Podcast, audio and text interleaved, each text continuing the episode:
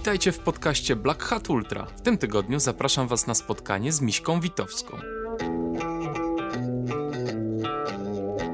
Myślę, że wszyscy, którzy startują w zawodach, gdzieś tam ulegają tej rywalizacji. Myślę, że, że nie jest tak, że, że nie rywalizujemy. Jak ktoś mówi, że, że nie, ja tam nie lubię rywalizacji, myślę, że to jest troszeczkę, trochę ściema. To znaczy, można nie lubić y, tego, że ta rywalizacja niesie ze sobą jakiś ładunek emocjonalny, jakiś stres czy presję, ale myślę, że jak y, widzimy konkurentkę czy konkurenta na trasie, to, to zawsze jest chęć, żeby, żeby albo uciec tej osobie, albo ją przegonić. I to też nie przeszkadza w tym, żeby później na mecie się uściskać i wieczorem pójść na pizzę, prawda? Bo to bo ta rywalizacja jest, jest na trasie, tylko i wyłącznie, przynajmniej w moim przypadku.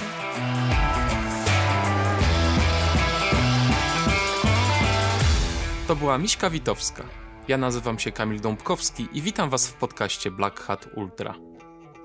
Zapewne zauważyliście, że ten świat, o którym opowiadam Wam przez spotkania z ludźmi, pełen jest niezwykłych charakterów. Dzisiaj nie będzie inaczej. Miśka Witowska zabłysnęła ostatnio wygraną w Tatra Sky Marathon, gdzie pokonała niezwykle mocne zawodniczki, takie jak Dominika Stelmach i Martyna Kantor. Poza faktem, że Miśka jest w świetnej formie, to jednym z powodów wygranej mogło być to, że Miśka biegała na swoim terenie. Mieszka w Zakopanem i pochodzi z domu pełnego sportowców. Zapraszam Was na opowieść, w której łączy się literatura rosyjska, muzyka z lat 80. i zamiłowanie do sportowej rywalizacji pomimo tego, że Miśka za sportowca się nie uważa. Posłuchajcie.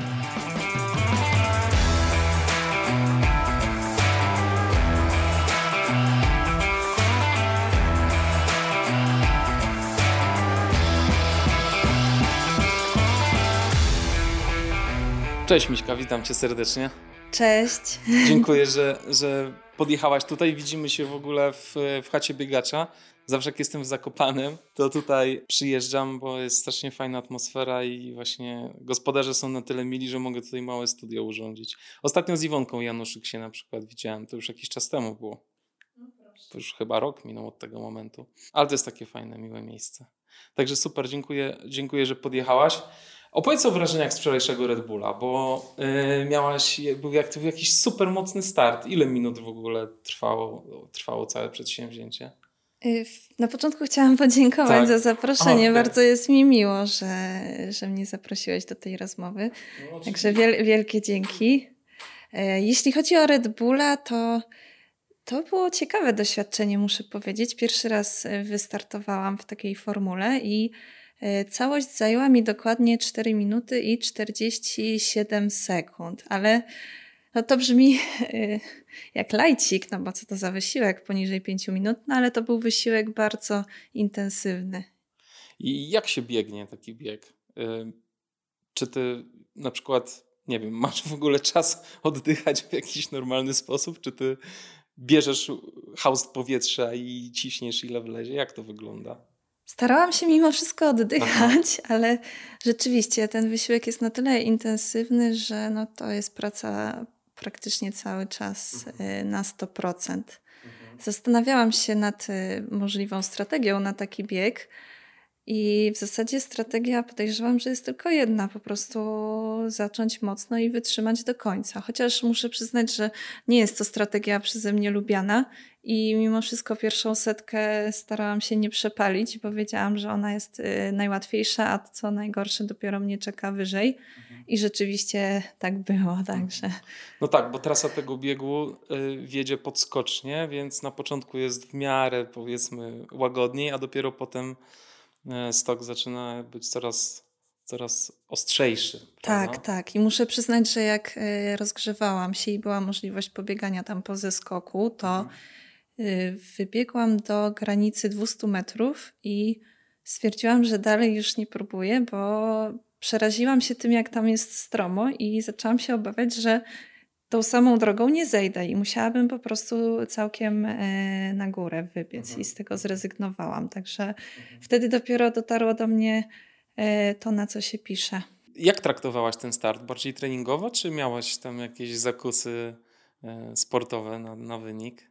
O, tu jest ciekawy wątek no. właśnie dotyczący startów treningowych. Ja nie przypadam za bardzo za tym określeniem. Ogólnie uważam, że start to jest start i oczywiście może on wnieść pewną korzyść e, do dalszych przygotowań, ale e, raczej staram się nie podchodzić do żadnego startu jak do treningowego, chociaż bywa tak, że że startuję w zawodach jakby z pełnego cyklu treningowego, czyli nie luzuję za bardzo przed startem. Teraz tak było, także muszę powiedzieć, że nie, nie powiedzmy, że ten start nie był jakiś priorytetowy dla mnie mhm. i, i rzeczywiście z pełnego cyklu treningu do niego przystąpiłam. Mhm.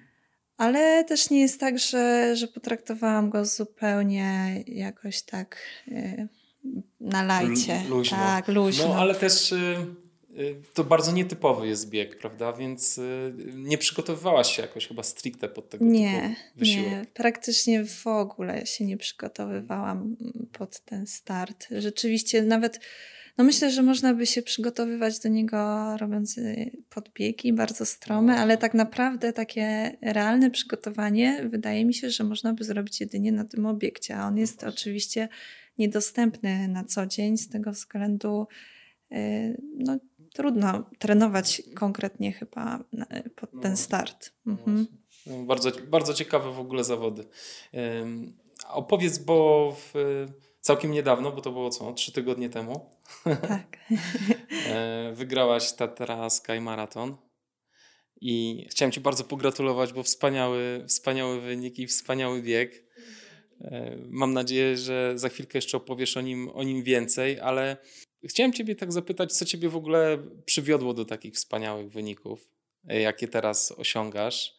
Wiadomo, zaskoczyłaś wszystkich w 2018 roku tym, że wygrałaś Mardułę i to był piękny moment.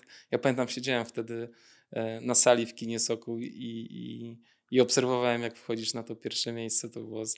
I się zdziwiłem, taka młoda dziewczyna e, wszystkich, wszystkich tam pokonała. To było strasznie fajne. O nie, nie, taka młoda, miałam 20 chyba 7 lat. To no to, też, nie, no, to no, nie wiem, wyglądasz słuchaj no, jak na 18. Znaczy nadal wyglądasz jak na 18. Dzięki bardzo, miło to słyszeć. I sobie tak pomyślałem, że jejku, w ogóle właśnie jakieś nowe twarze się pojawiają na tej scenie że to jest e, kapitalne. A jak u ciebie w domu rodzinnym wyglądała sytuacja, z, e, stosunek do sportu w ogóle? Bo są niektórzy, którzy potrafią mieszkać pod górami i nawet e, i nie wychodzić w góry. A jak u ciebie to wyglądało? Mm, pochodzę z bardzo sportowej rodziny. U mhm. mnie w domu sportowe tradycje są duże. E, przede wszystkim nasza rodzina specjalizuje się w sportach zimowych, ponieważ e, mój tata trenował narciarstwo alpejskie i teraz jest trenerem już od, od wielu lat, dosyć znanym w środowisku narciarskim, a z kolei moja mama była łyżwiarką szybką i z bardzo dużymi sukcesami startowała w okresie juniorskim, bo była nawet y, wicemistrzynią świata juniorów, także tradycje sportowe mam duże, rzeczywiście. A twoja pierwsza dyscyplina jaka była w związku z tym? Moja pierwsza dyscyplina to narciarstwo alpejskie i w zasadzie mogę śmiało powiedzieć, że jest to dyscyplina, która mnie ukształtowała. Pod jakim kątem? Częściowo nawet jako człowieka, ale przede wszystkim jako sportowca, jeśli już użyjemy tego dużego słowa. Mhm. Ja staram się raczej tego dużego słowa w kontekście mnie samej nie, e, nie używać, ale rzeczywiście muszę powiedzieć, że takie podwaliny pod y, to, co teraz robię, e, zostały położone właśnie, ten, ten fundament, fundament został położony e, w okresie dziecięcym i wczesno-nastoletnim, kiedy trenowałam narciarstwo alpejskie.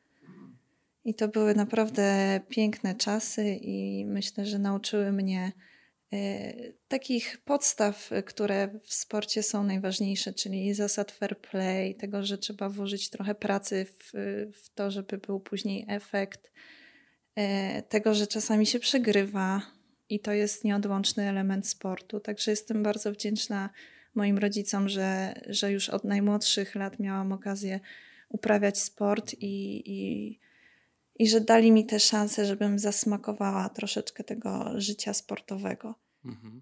No, smakowałaś go pewnie cały czas, wychowując się chociażby w tym domu, prawda? Trochę byłaś tym przesiąknięta. Tak, aczkolwiek u nas w domu raczej E, nie ma czegoś takiego, że na wierzchu stoją puchary, medale, jakby nie ma takiej e, atmosfery, jakby to nazwać, e, że to jest dom mistrzów. Absolutnie czegoś takiego nie ma. Ten sport jest po prostu w naszym krwiobiegu, on po prostu jest w naszym życiu i nie traktujemy go jak coś wyjątkowego w tym sensie, że nie, nie, nie, nie ma wokół tego sportu otoczki jakiejś i nie przypisujemy e, mu jakiejś ideologii, on po prostu jest. jest to jest ta, ta, tak, to jest taka oczywistość. Mhm. Tak. To fajne. To nie jest typowe. Może nie, no. nie wiem. Dla mnie jest normalne, no bo, no tak, bo w takim bo domu, w takim domu wyrosłam. Chociaż no, już oczywiście w momencie, kiedy ja się pojawi, pojawiłam na świecie, a wcześniej mój brat, który jest 5,5 y, roku starszy, rodzice oczywiście już nie byli aktywnymi sportowcami, E, no ale właśnie poprzez to, że, że tata do tej pory e, działa w sporcie, jest trenerem narciarskim, mamy z tym styczność mhm. dużą. A po, powiedziałaś, że ty się nie czujesz sportowcem. To kim dla ciebie jest sportowiec w takim razie? To znaczy, Przez duże S. Jejku, to jest trudne pytanie, bo, bo musielibyśmy tutaj stworzyć definicję tego e, sportowca. Nie, dla ciebie. Myślę, dla ciebie. E, myślę, że sportowiec to jest taka, znaczy jeżeli zdefiniujemy jako sportowca osobę, która e, uprawia sport, to taką osobą jest prawie każdy, prawda? Mhm. Ale, ale dla mnie sportowiec to jest osoba, która y, może żyje z tego, czyli uprawia sport profesjonalnie, nie tylko jeśli chodzi o y, sposób trenowania, ale również jeśli chodzi o ten aspekt y, finansowy. No i sportowcem na pewno jest osoba, która podporządkowuje w dużej mierze swoje życie temu, temu co robi właśnie w danej, danej dyscyplinie sportu. Może po prostu jesteś trochę skromna i, i sportowiec dla ciebie to jest y, tak, jak myślę znacznie więcej niż ty robisz. Mm-hmm, tak, wydaje mi się, że to jest, to jest sedno sprawy. Tak? Że dla mnie sportowcem na przykład, nie wiem, jest Justyna Kowalczyk czy, mhm. czy Adam Kszczot. E, chociaż na naszym podwórku jak najbardziej bym wymieniła e, dużo osób, które też na to miano zasługują, ale ja jakby nie stawiam się w tej samej kategorii i, mhm. i stąd wynika e, ta moja wątpliwość co do nazywania mnie samej sportowcem. A czy to jest tak, że aspirujesz do tego, żeby być sportowcem? Chciałabyś być? Takie są Twoje cele? E, jeśli chodzi o, o, poziom sportowy i jakby wszystko, co jest związane z treningiem, być może tak, aczkolwiek chyba bym nie chciała, żeby to było moje jedyne zajęcie, bo mimo wszystko traktuję bieganie, akurat teraz to jest coś, czym się zajmuję, bieganie jako swoją pasję i aktywność, która sprawia mi bardzo dużą przyjemność i mam pewną obawę, że gdyby zamienić to na, na profesjonalizm w takim wydaniu też e, o którym wspomniałam, czyli również jakby gdyby od tego zależało, zależały moje zarobki, to myślę, że mogłabym część tej przyjemności utracić ze względu na presję, którą pewnie sama na siebie bym nałożyła. No tak. Więc wydaje mi się, że to w jaki sposób teraz funkcjonuje jest dla mnie jak najbardziej wystarczające. wystarczające. Tak. No. A wspomniałaś o tym, że teraz akurat zajmujesz się bieganiem. Czy to znaczy, że zakładasz opcję, że kiedyś zmienisz dyscyplinę sportu na przykład? Myślę, że jest taka możliwość. To znaczy, ja sobie obiecałam, że wkręciłam się bardzo w bieganie, w biegi górskie konkretnie i jak najbardziej, jak jak najbardziej chciałabym jeszcze parę lat y, podziałać w tym temacie, ale nie mam takiego założenia, że, że będę biegać, nie wiem, jeszcze 10 lat. Nie, nie, nie, nie stawiam sobie takich ram czasowych i biorę, yy, yy, biorę pod uwagę to, że w pewnym momencie mogę stwierdzić, że już nie chcę tego robić. Zostawiam sobie taką furtkę i możliwość, żeby po prostu zająć się czymś innym, bo tak jak wspomniałam, Najważniejsze jest dla mnie to, żebym w, tym, w kontekście mojego uprawiania tej dyscypliny, to żeby czerpać z tego przyjemność. I obiecałam sobie to już kiedyś, że jeżeli w pewnym, w pewnym momencie przestanę tę przyjemność czerpać i, i będzie to dla mnie jakiś przymus niepotrzebny, to, to lepiej to rzucić, zająć się czymś innym, bo jest masa wspaniałych y, spraw dookoła, rzeczy, którymi można się zająć. Ja zresztą cały czas mam wrażenie, że na niektórych polach się nie realizuję w, y, na tyle, na ile bym chciała. Więc, y, więc mam kilka planów, Pomysłów. tak, Mhm, kilka pomysłów, mam, mam plan B i C i, ma, O, i tak dalej, także... O fajnie, to mam nadzieję, że opowiesz o tym jeszcze. Ale chciałem się ciebie spytać, bo ty studiowałaś jakiś bardzo ciekawy kierunek. Tak, tak. Skończyłam filologię rosyjską i socjologię przy okazji też. A skąd taki wybór? Ojejku, to też jest dobre pytanie, bo y, w zasadzie zawsze miałam, y, mm, zawsze byłam typem y, humanistycznym. Nie tylko dlatego, że dodanie do siebie dwóch liczb sprawia mi trudność, czyli 2 plus 2 czasem jest 5, ale po prostu takie były moje zainteresowania. Już, już pamiętam w okresie gimnazjalnym y, miałam taką zajawkę, że, że zagłębiałam się w duże dzieła literatury światowej. Potem w okresie licealnym interesowałam się historią i też wydaje mi się, że, że kwestie językowe te y, mnie mocno pociągały i prawdę powiedziawszy w okresie maturalnym tak nie do końca byłam zdecydowana w którym kierunku iść. Na, na pewno wiedziałam, że chcę iść na studia. To było dla mnie oczywiste i wiedziałam, że to będzie coś związanego właśnie albo z językiem, e, albo będzie to kierunek humanistyczno-społeczny przykładowo. I wybór padł na filologię rosyjską, bo Zawsze podobał mi się ten język, e, podobała mi się literatura rosyjska, którą wówczas znałam e, słabo, ale miałam styczność z kilkoma dziełami i, i w ten sposób znalazłam się na tych studiach. Nie żałuję. A twój ulubiony autor w związku z tym, z e, rosyjski? Oj, nie ma chyba takiego ma. jednego, nie, nie. To nie. trzech wymień. Jejku, nie, Albo nie. trzy to, książki, które to jest, to jest trudny temat, żeby wybierać. Tak? tak, tak. Ja No. mam problem z, z takim wyborem top, ale jest parę, jest parę utworów, które rzeczywiście mocno na mnie wpłynęły. Na przykład y, Zaproszenie na egzekucję Nabokowa. To jest naprawdę książka, która myślę, że dość mocno mi poukładała pewne sprawy w głowie. Warto na pewno wymienić klasyków, czyli Dostojewskiego chociażby, czy Gogola, który jest świetny i, i zabija śmiechem. Śmiechem, który zawsze jest e, przez łzy akurat. Także to, to A jaki wątek u Nabokowa ci tak głęboko zapadł w pamięć? wątek wolności człowieka i tego, jak człowiek jest postrzegany i gdzie są granice tej wolności.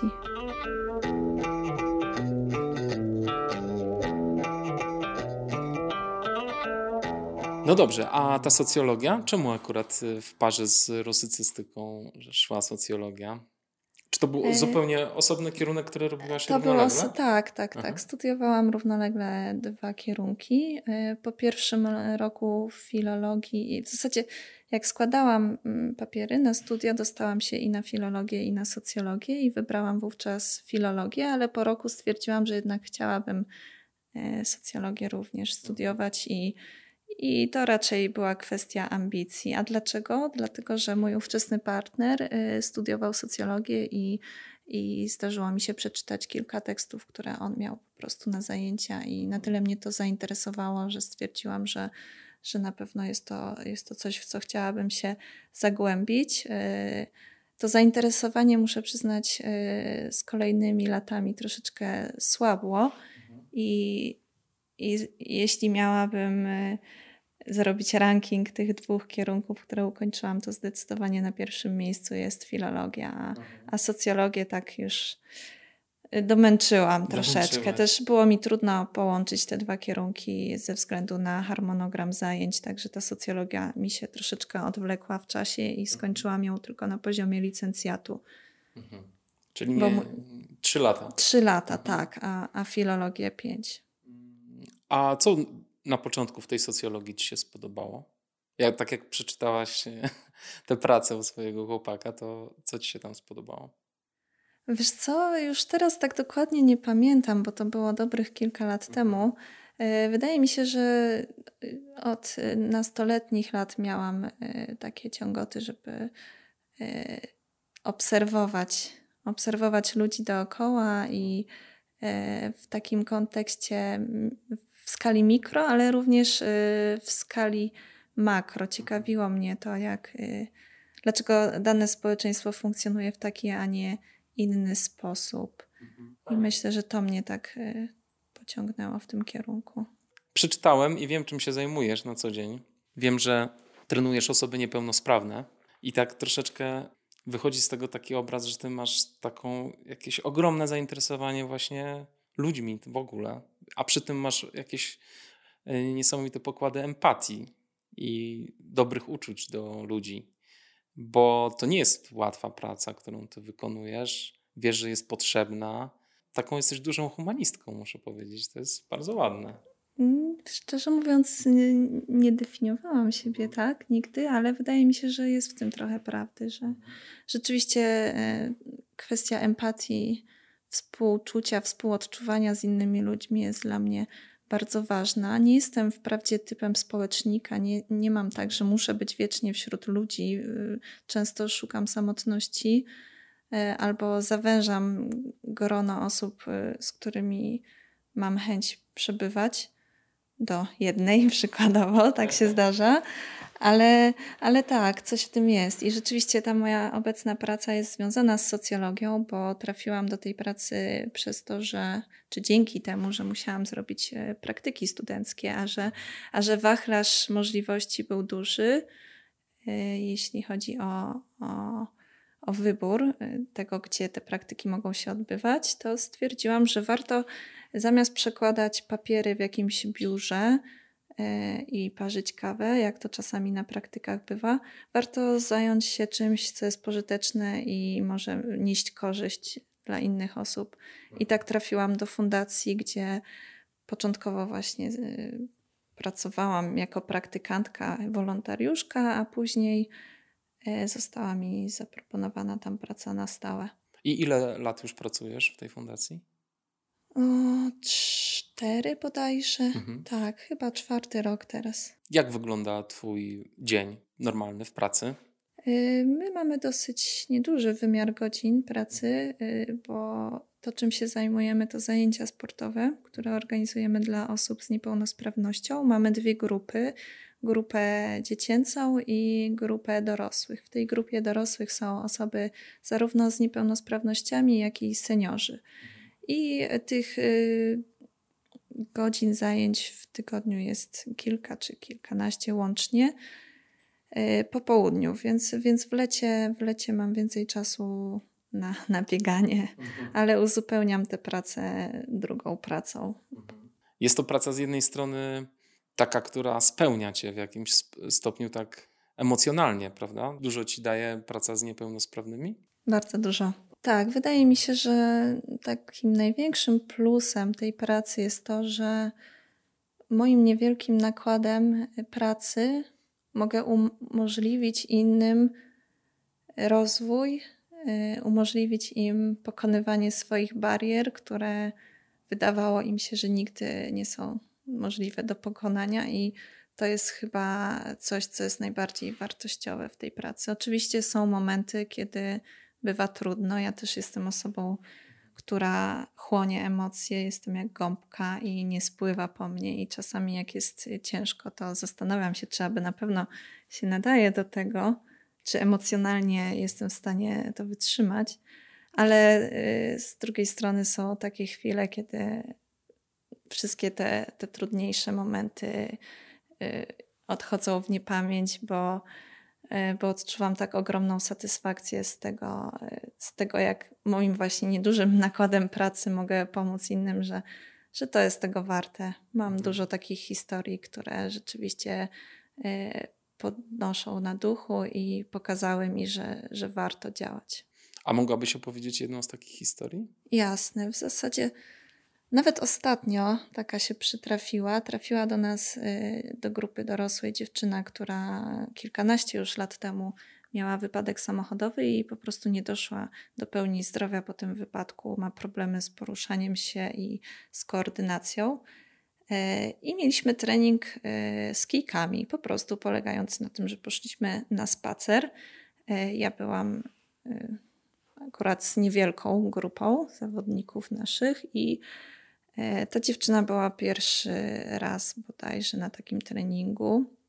Poszliśmy pod reklamy i potem do jednej z dolinek i w miejsce, gdzie przeciętny turysta nie miałby absolutnie żadnych trudności i jakby no, po prostu spacer, nic trudnego. Dla niej to było wyzwanie i starałam się ją cały czas mobilizować, ale widziałam w niej ogromny zapał, mimo, mimo tego, że rzeczywiście musiała ze sobą walczyć, bo, bo ta trasa nie była dla niej łatwa, ale to jak, y, jaką, jak niesamowicie była szczęśliwa w momencie, kiedy dotarłyśmy do celu.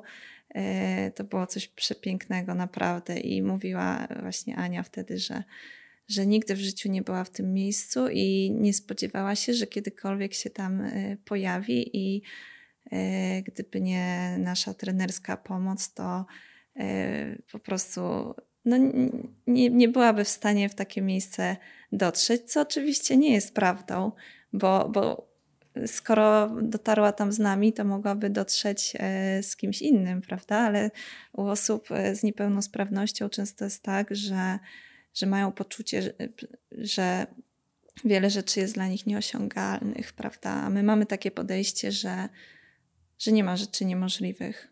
Oczywiście każdy ma pewne ograniczenia i my się z nimi e, liczymy, ale, ale raczej jesteśmy z tych, którzy nie głaszczą po głowie, tylko, tylko motywują na maksa do działania i, i widzimy potem bardzo piękne efekty tego. Mhm. No tak, bo wszystko się sprowadza tak naprawdę do wiary we własne siły, prawda? I wy im pomagacie uzyskać tę wiarę, żeby ta wiara do nich wróciła. Tak się staramy, tak.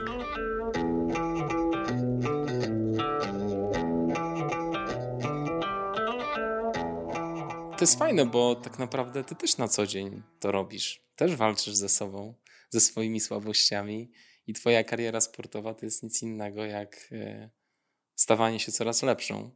To prawda, dlatego pomimo tego, że jestem osobą pełnosprawną, yy, oczywiście nie mogę się porównywać y, do, do osób z niepełnosprawnościami, bo nie mierzę się z takimi problemami jak, jak oni, ale też rzeczywiście y, w tym, co robimy, E, jest ten aspekt pokonywania własnych słabości i przesuwania tej granicy. Także staram się przynajmniej w tym aspekcie mentalnym przekładać to, co robię w swoim sporcie, na to, co, co robię w pracy. No właśnie, tak by się wydawało, że to są zupełnie odległe od siebie, jakby dwa wszechświaty. Pomaganie niepełnosprawnym w dojściu do sprawności i Twoje niesamowite bieganie po górach, ale tak naprawdę zasady są te same, które, które rządzą tymi dwoma światami. Wiesz prawda? co? No, ja bym powiedziała, że to nie jest tak odległe, bo e, my w naszej grupie mamy osoby, które nazwę sportowcami. My ich nazywamy sportowcami, bo to są sportowcy. E, nasze zajęcia są pewną formą rehabilitacji, ale już teraz e, poziom tych zajęć jest na tyle wysoki, że my po prostu uprawiamy sport i i specjalizujemy się w konkretnych dyscyplinach sportu. Z grupą dziecięcą startujemy w zawodach. Na zawodach są medale, jest rywalizacja, także, mhm. Także to też jest sport. Absolutnie. Jest. Mhm. A czy ty również pomagasz niepełnosprawnym sportowcom na przykład? Czy, nie miałam, czy nie? jeszcze nie, nie miałam okazji. takiej okazji. W naszej, w naszej grupie Przeważającą część, y, przeważająca część osób to osoby z intelektualną niepełnosprawnością. Y, jest y, kilka osób z taką ruchową niepełnosprawnością, ale zwłaszcza w tej grupie dziecięcej jest przewaga osób z tą intelektualną niepełnosprawnością, więc to też jest tak, że E, część z nich e, jakby też nie analizuje wszystkiego, nie zdaje sobie sprawy z niektórych swoich ograniczeń, ale ma też swoje lęki, swoje słabości i my staramy się pokazywać tym naszym dzieciom, że, że to jest do przejścia, do mhm. przeskoczenia. Staramy się e, szerzyć taką świadomość tutaj w naszym zakopiańskim E, świadku, bo, bo głównie działamy tutaj na terenie Zakopanego i, i Podhala, aczkolwiek e, już nas kojarzą e, w Polsce. Właśnie staramy się szerzyć świadomość tego, że sport może być formą rehabilitacji, ale może też być wśród niepełnosprawnych naprawdę na wysokim poziomie. No i też jest to forma terapii, prawda? Nie, znaczy w sensie nie jest to rehabilitacja tylko fizyczna, ale również. Zdecydowanie, tak, tak, tak. Nasi podopieczni bardzo się rozwijają kątem intelektualnym i społecznym. I to widać, ja na przestrzeni tych kilku lat pracy widzę to bardzo dokładnie, chociaż oczywiście trzeba powiedzieć, że nasze zajęcia trwają kilka godzin w tygodniu, a ogrom pracy wykonują rodzice i wszyscy terapeuci, którzy, którzy z, z naszymi podopiecznymi pracują. Także też y, nie przypisujemy sobie wszystkich zasług, bo bo naprawdę ogrom, ogrom pracy jest po stronie rodziców.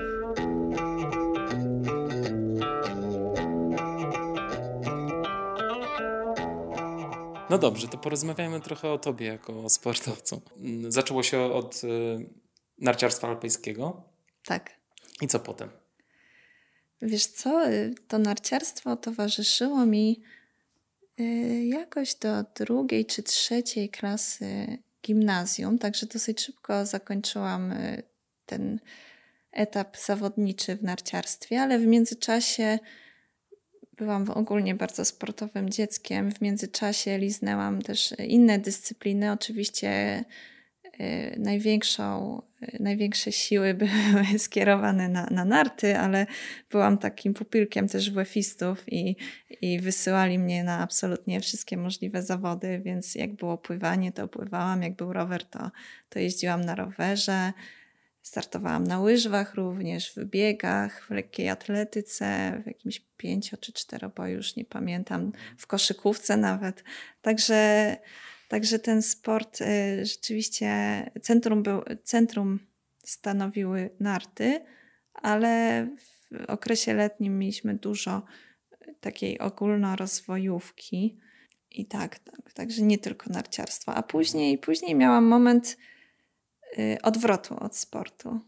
To był czas, kiedy chyba już miałam troszeczkę przesyt, chociaż nigdy miałam to szczęście, że moi rodzice nigdy nie byli E, jakoś e, tacy nadambitni i, i mnie nie zmuszali do, do sportu, więc jak powiedziałam, że już nie chcę na tych nartach jeździć i startować w zawodach, oni jak najbardziej dobrze to przyjęli. Zresztą jako byli sportowcy, rozumieli doskonale. Właśnie przyszedł taki moment, kiedy stwierdziłam, że, że już troszeczkę mam za dużo tego sportu, bo to był czas, kiedy wolałam się spotkać ze znajomymi, i jak na narty, no to, no to raczej na przykład ze znajomymi na Kasprowy niż o 7 rano na trening na harendę. E, I to był czas licealny i później, później na studiach taki czas odwrotu, można powiedzieć, od sportu. E, za to był to okres mimo wszystko bardzo intensywny, bo e, ja to nazywam okresem rock'n'rolla. Uuu, dobrze Ta, brzmi. Dobrze brzmi i było fajnie. Nie żałuję niczego. Złapałaś za gitarę? nie, nie, za gitarę nie złapałam, bo chyba mam za mało cierpliwości do tego, ale już od e, okresu takiego podstawówkowego interesowałam się muzyką i tak się złożyło, że mój starszy brat e, miał parę płyt Iron Maiden i zafascynowałam się tym gatunkiem i potem w okresie właśnie gimnazjalnym, licealnym i na studiach byłam bardzo mocno wkręcona w muzykę. Interesowałam się mocno. Y, to jest też taki, taka studnia, można powiedzieć, bez dna. To jest coś takiego, że jak się pozna jeden zespół, można na tym zaprzestać, ale ja szukałam dalej i głębiej aż w końcu doszłam do takiego etapu, że wyszukiwałam jakieś zespoły, nie wiem, trzecioligowy, heavy metalowy zespół z Niemiec, prawda, czy z Brazylii. I też miałam takich znajomych y, pasjonatów, którzy do teraz y, są w temacie. I jakoś tak się potoczyło, że, że przez dobrych kilka lat to muzyka była dla mnie najważniejsza. Ale jak to się realizowało? Jeździłaś na koncerty na przykład? Tak, tak. Zagłębiałam się w historię zespołów, słuchałam coraz więcej, grzebałam, no i oczywiście jeździłam na koncerty. Ciekawy jestem, jak y, Twoje zdjęcia wyglądają z tego okresu. Wiesz co, to y, akurat ta fascynacja muzyczna jakoś szczególnie się nie odbiła na moim wyglądzie. Raczej, raczej zawsze y, uważałam, że nie muszę się przebierać, żeby ktoś mnie nazwał w taki sposób, w jaki może bym chciała być nazywana. Zresztą chyba nigdy tak nie miałam, że chciałam być jakoś tam zaszufladkowana. Chociaż rzeczywiście na koncerty ta stylówka była ale nie wiem, jakie masz wyobrażenie. To nie były glany i, i czarne spodnie, przykładowo i skóra, tylko, tylko to był klimat y, strojów z lat 80., czyli białe adidaski, jeansy. Okay. Jakiś makijaż? Y, nie, to raczej nie. chyba, że Kiss, tak. No, no właśnie. Byłam trzy razy na Kiss. W tak? zeszłym tak? roku ostatni raz, tak, tak. Ojej. Tak, kis to, to jest ważny dla mnie. Dinozaury, oczywiście. Aha. Wspaniała, kiczowa ta muzyka, Ojej. uwielbiam. no to mnie zaskoczyłaś totalnie tym kisem już. I co z tą muzyką? Ona nadal funkcjonuje tak, w twoim życiu? jak najbardziej. Mhm. To nie jest tak, że, że przez parę lat słuchałam i teraz y, odstawiłam. Nie, nie, nadal jest dla mnie istotna, ale już nie uczestniczę tak bardzo w tym życiu już troszeczkę też e, kontakty mi się pozmieniały i, i e, oczywiście mówię cześć tym znajomym, z którymi się trzymałam, jak najbardziej, ale, ale to życie rock'n'rollowe no jakby zmieniłam troszeczkę na, na bardziej sportowe. Pod hasłem życie rock'n'rollowe tu się mieści również imprezowanie? Tak, mieści mhm. się, mieści się. Ja byłam zawsze typem y, bardzo dobrej uczennicy od poniedziałku do piątku, a w sobotę impreza, także e, tak, tak, było troszeczkę imprezowania, ale szczerze mówiąc, no to są pewnie jakieś tam błędy młodości, ale nie żałuję tego jakoś szczególnie, bo mam masę wspaniałych wspomnień z tego okresu i wyszalałam się wtedy, kiedy był na to czas, a teraz, teraz już nie mam takiej potrzeby. A teraz nadal słuchasz metalu? Ja strasznie nie lubię generalizować i kategoryzować muzyki, ale powiedzmy, że słuchałaś muzyki metalowej. Metal to jest bardzo pojemne no pojęcie, prawda? Ale jeżeli możemy rzeczywiście no, bardzo ogólnikowo tak to mhm. nazwać. E, tak, nadal słucham, chociaż moje horyzonty muzyczne się troszeczkę poszerzyły. Już teraz nie jestem aż tak ortodoksyjna e, w swoich upodobaniach i i zdarza mi się sięgnąć po, po klimaty, po które 10 lat temu pewnie bym nie sięgnęła. Na przykład czasem do biegania. Zdarzy się coś, coś co, co kiedyś bym stwierdziła, że absolutnie nie Czyli wolno. na przykład? No nawet zdarzy mi się posłuchać muzyki elektronicznej, aczkolwiek e, nie znam się na niej zupełnie. No, jakieś dobre rapsy, Aha. hity. tego, tego, no, typu, tego, ty, tego typu klimaty. Ale rzeczywiście trzonem jest y, ta muzyka metalowa, rockowa. Czy gitarowa. O, tak, tak, no gitarowa to jeszcze szerzej. No, ja, się, ja się interesowałam głównie muzyką z lat 80., y, głównie heavy metalem, hard rockiem. Y, tak, to myślę był trzon.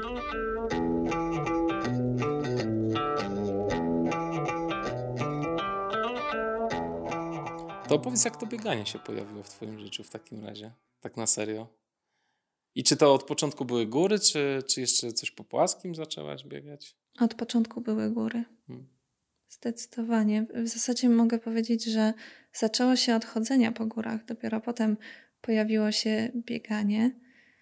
E, jak mieszkałam w Zakopanem do ostatniej klasy liceum, wydaje mi się, że nie doceniałam w pełni uroku tego miejsca i piękna i tego wszystkiego, co, co ono oferuje. I dopiero po wyjeździe na studia doceniłam to, w jak niesamowitym miejscu miałam okazję mieszkać i zainteresowałam się bardziej Tatrami. Chociaż mm, interesowałam się nimi już, już trochę w okresie licealnym, ale taka prawdziwa fascynacja wydaje mi się, że przyszła dopiero w, w okresie właśnie studiów i wracałam co tydzień do Zakopanego dlatego że, że tutaj się czułam znacznie lepiej niż w Krakowie i, i chodziłam po tych górach, poznawałam je coraz lepiej. E, w pewnym momencie e, zaczęłam się interesować topografią i zaczęłam zgłębiać e, tematy tatrzańskie. I od tego chodzenia po górach wydaje mi się, że, za, że się zaczęło, aczkolwiek przypominam sobie taką sytuację na ostatnim roku moich studiów na filologii, czyli to był 2014 na 2015. Mieszkałam z moją przyjaciółką Magdą i ona wychodziła biegać e, na błonie.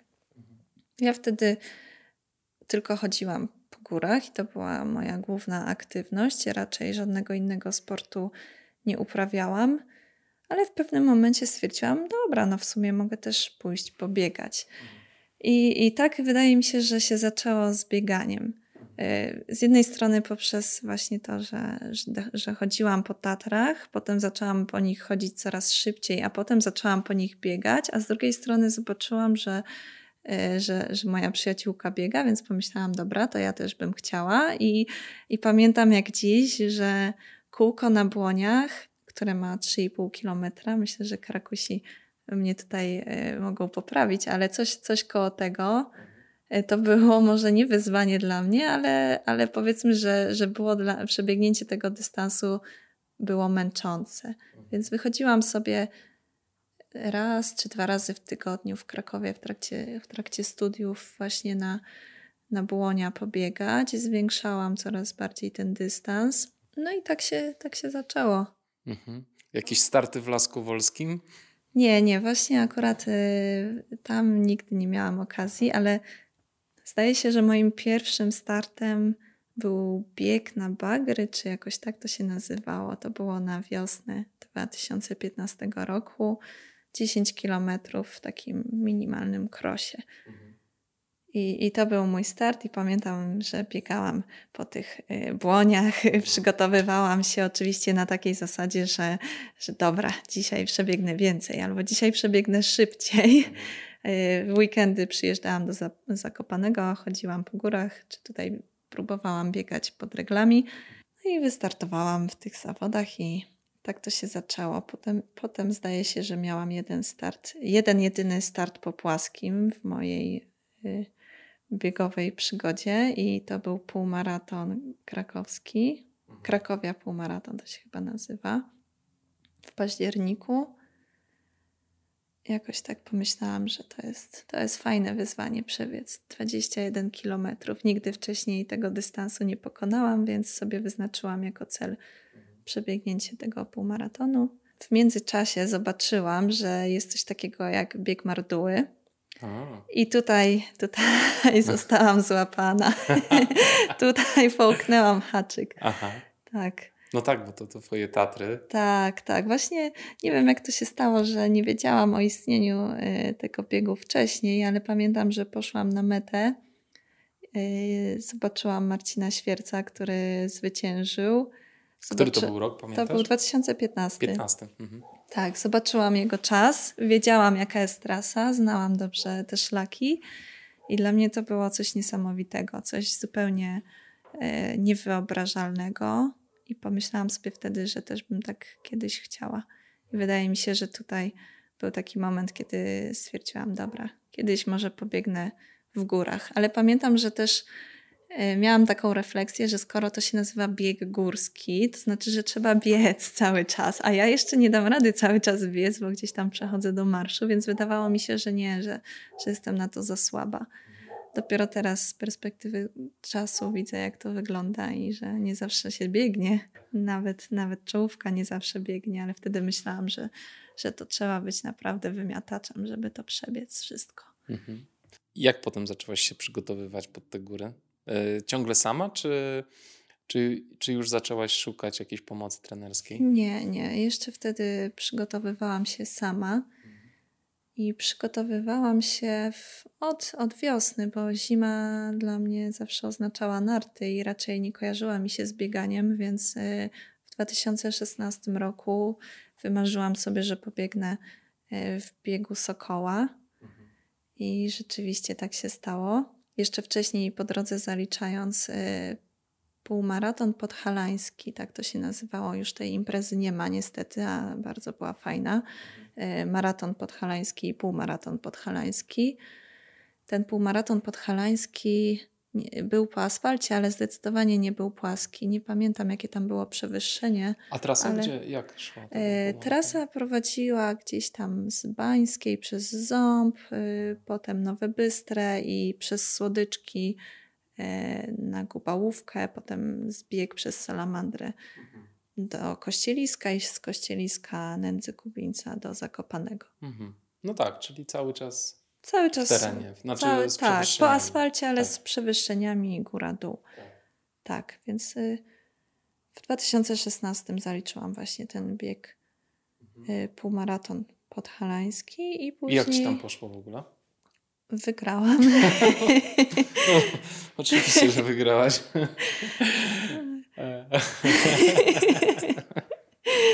Ojej, Ups, no, wygrałem.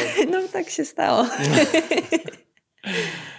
E, czy ty już wtedy czułaś, że twoja forma e, rośnie szybko? Wiesz od, co, ty, tak. od tego pierwszego kółka 3,5 kilometrowego. Tak, to znaczy widziałam zdecydowany progres, że już 3,5 mhm. kilometra mnie nie zabija. Jestem w stanie przebiec 21, więc już jest dobrze, ale też y, nie za bardzo miałam punkt odniesienia do końca. Tak nie do końca potrafiłam sama siebie ocenić i, i w zasadzie zawsze z każdym kolejnym startem był ten element zaskoczenia, że o kurczę, no jednak fajnie to idzie. Mhm. Nie spodziewałam się. A tak mam do teraz w zasadzie. Tak mam. Ale chyba teraz. E, no właśnie, to też pytanie, czy wtedy miałaś jakieś koleżanki biegowe, z którymi rywalizowałaś, czy, czy nie? Nie, nie, nie, nie, nie raczej. Bo teraz tego punktu odniesienia masz troszeczkę więcej. Bo... Zdecydowanie, tak, no. tak, tak. Wtedy po prostu wychodziłam, otwierałam drzwi od domu, mhm. wychodziłam, ahoj przygoda, biegnę przed mhm. siebie i tak wyglądał mój trening. Mhm. Miałam oczywiście w głowie czasami jakieś e, mini challenge, że tutaj teraz wybiegnę, nie przejdę do marszu. Troszeczkę starałam się czytać o bieganiu, ale to cały czas była taka partyzantka, pełna, pełna amatorka, zupełnie bez, e, bez profesjonalnego przygotowania. Naprawdę moja wiedza była niewielka wówczas, ale wydaje mi się, że te lata dziecięce i nastoletnie, y, które spędziłam w takim, no jednak pewnym rygorze treningowym, bo, bo tych treningów było sporo, myślę, że około czterech w tygodniu, to dało dużą bazę.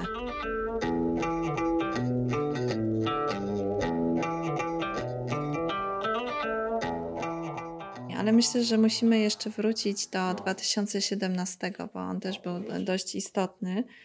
E, wtedy pobiegłam po raz pierwszy bieg Marduły, mhm. a trzy tygodnie później odbyły się Mistrzostwa Polski w biegu górskim na długim dystansie na Śnieżce. I tam zajęłam trzecie miejsce, co dało mi kwalifikację na Mistrzostwa Świata. Tak, to, był, to było duże wydarzenie dla mnie i rzeczywiście coś wyjątkowego. Y, I to był rok, kiedy, kiedy z Marcinem Rzeszutko trenowałam. Już okay. wtedy, tak. W zasadzie epizod mieliśmy wcześniej, jakoś w 2016 roku, przed y, tutaj naszym lokalnym mm, biegiem niepodległości. Marcin rozpisał mi plan treningowy, taki miesięczny mniej więcej, bo, bo mniej więcej tyle było czasu do zawodów. I ja wtedy dopiero zobaczyłam, że jeżeli jest ten plan treningowy i to wszystko jest takie poukładane, to te rezultaty mogą być naprawdę znacznie lepsze i wtedy to ma ręce i nogi. I wtedy doszło do mnie, że można to moje bieganie potraktować troszeczkę bardziej na sportowo. A znalazłaś czas na te treningi bez kłopotu?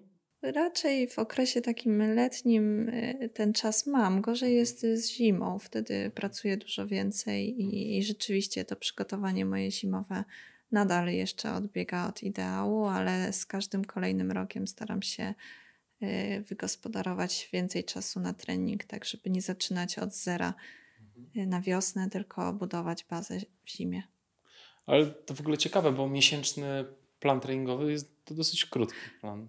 Tak, tak. No, tak, tak plus minus. Teraz nie pamiętam dokładnie, ale to myślę, że był, były 4 czy 5 tygodni. Mhm, mhm. I ile dni w tygodniu trenowałaś wtedy? zgodnie z tym planem? Chyba cztery. Trzy Aha. albo cztery, jakoś Aha. tak. Czyli Około też czterech. Mhm. tak na spokojnie. W sensie nie, tak. Marcin ci nie wrzucił jakichś nie wiadomo jakich obciążeń. Ja w 2018 też tak biegałam. Naprawdę? tak, też, też nie tak dużo. Ja myślę, że do tej pory jakbym porównała się z dziewczynami, y, jeśli chodzi na przykład o kilometraż, to zdecydowanie mniej.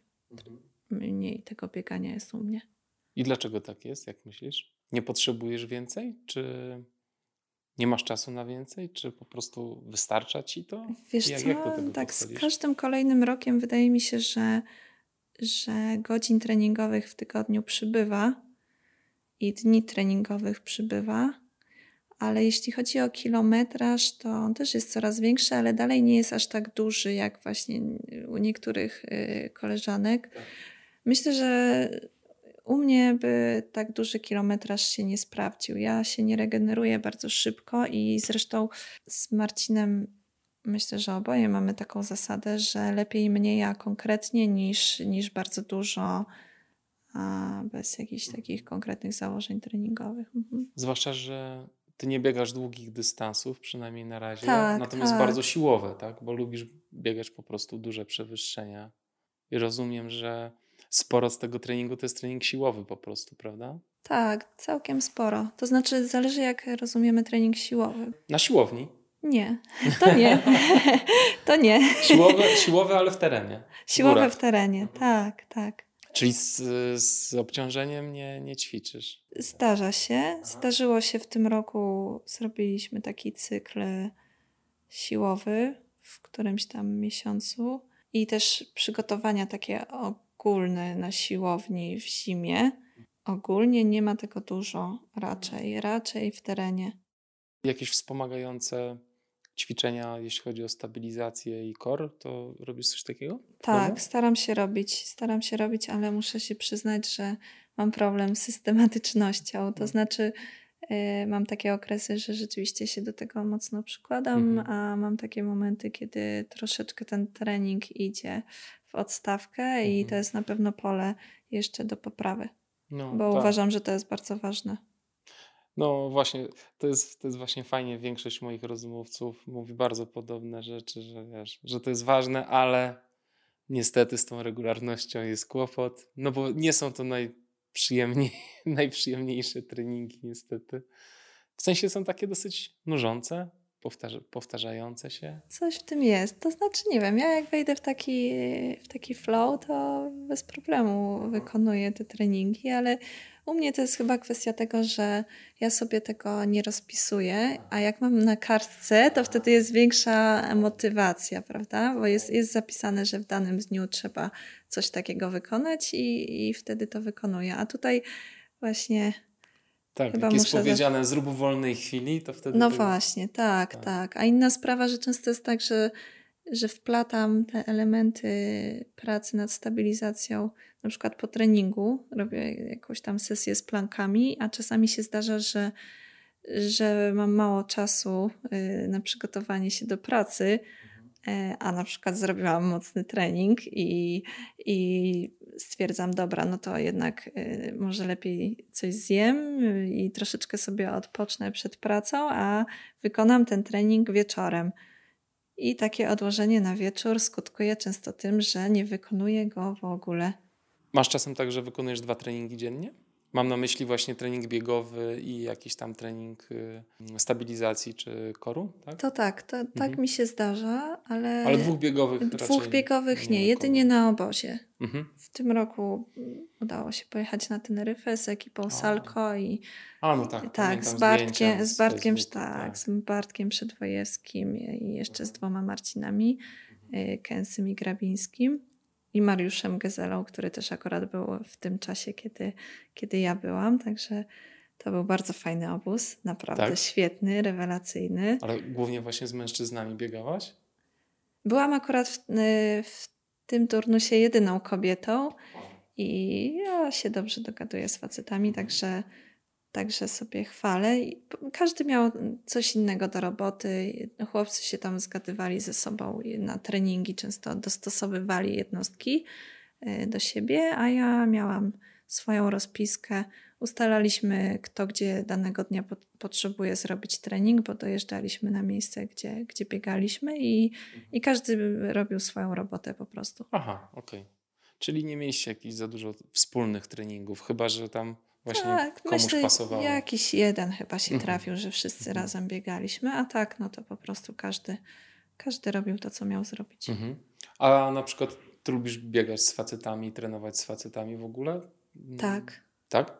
tak, tak. Właśnie wydaje mi się, że, że to też jest taki aspekt, który pomógł mi w tym, żeby podwyższać swoją formę, bo właśnie w tym 2017 roku dość sporo biegałam z Marcinem Rzeszutko. On też rozpisywał mi trening. Z kolei w 2018 roku moim takim świetnym partnerem treningowym był Piotruś Gut. Zresztą on mi wtedy rozpisywał treningi i w zasadzie no, myślę, że tak 70-80% treningów robiliśmy razem i, i to było super, bo, bo i on i, i Marcin są znacznie mocniejsi ode mnie, więc y, to mnie mobilizowało do cięższej pracy na pewno. Jeżeli było założenie, że, że jest jakiś fragment mocniej do pobiegnięcia, no to każdy biegł swoim tempem i czasami, czy to Piotrek, czy to Marcin, jak już kończyli e, swój, swoją zasadniczą część treningu, no to na przykład zbiegali do mnie Aha. i mnie dopingowali. Aha. Także tak to wyglądało. A, spoko. Właśnie w Przyjemnie. tym, tak, właśnie teraz w tym roku praktycznie cały czas biegam sama i też sobie z tym radzę bardzo dobrze, myślę, bo, bo też nie mam jakichś problemów z tym, żeby się zmotywować do treningu, ale, ale czekam aż y, choćby Piotrek wróci troszeczkę na biegowe ścieżki, bo teraz ma chwilę przerwy i mam nadzieję, że jeszcze się uda razem potrenować. No, zawsze jest raźniej.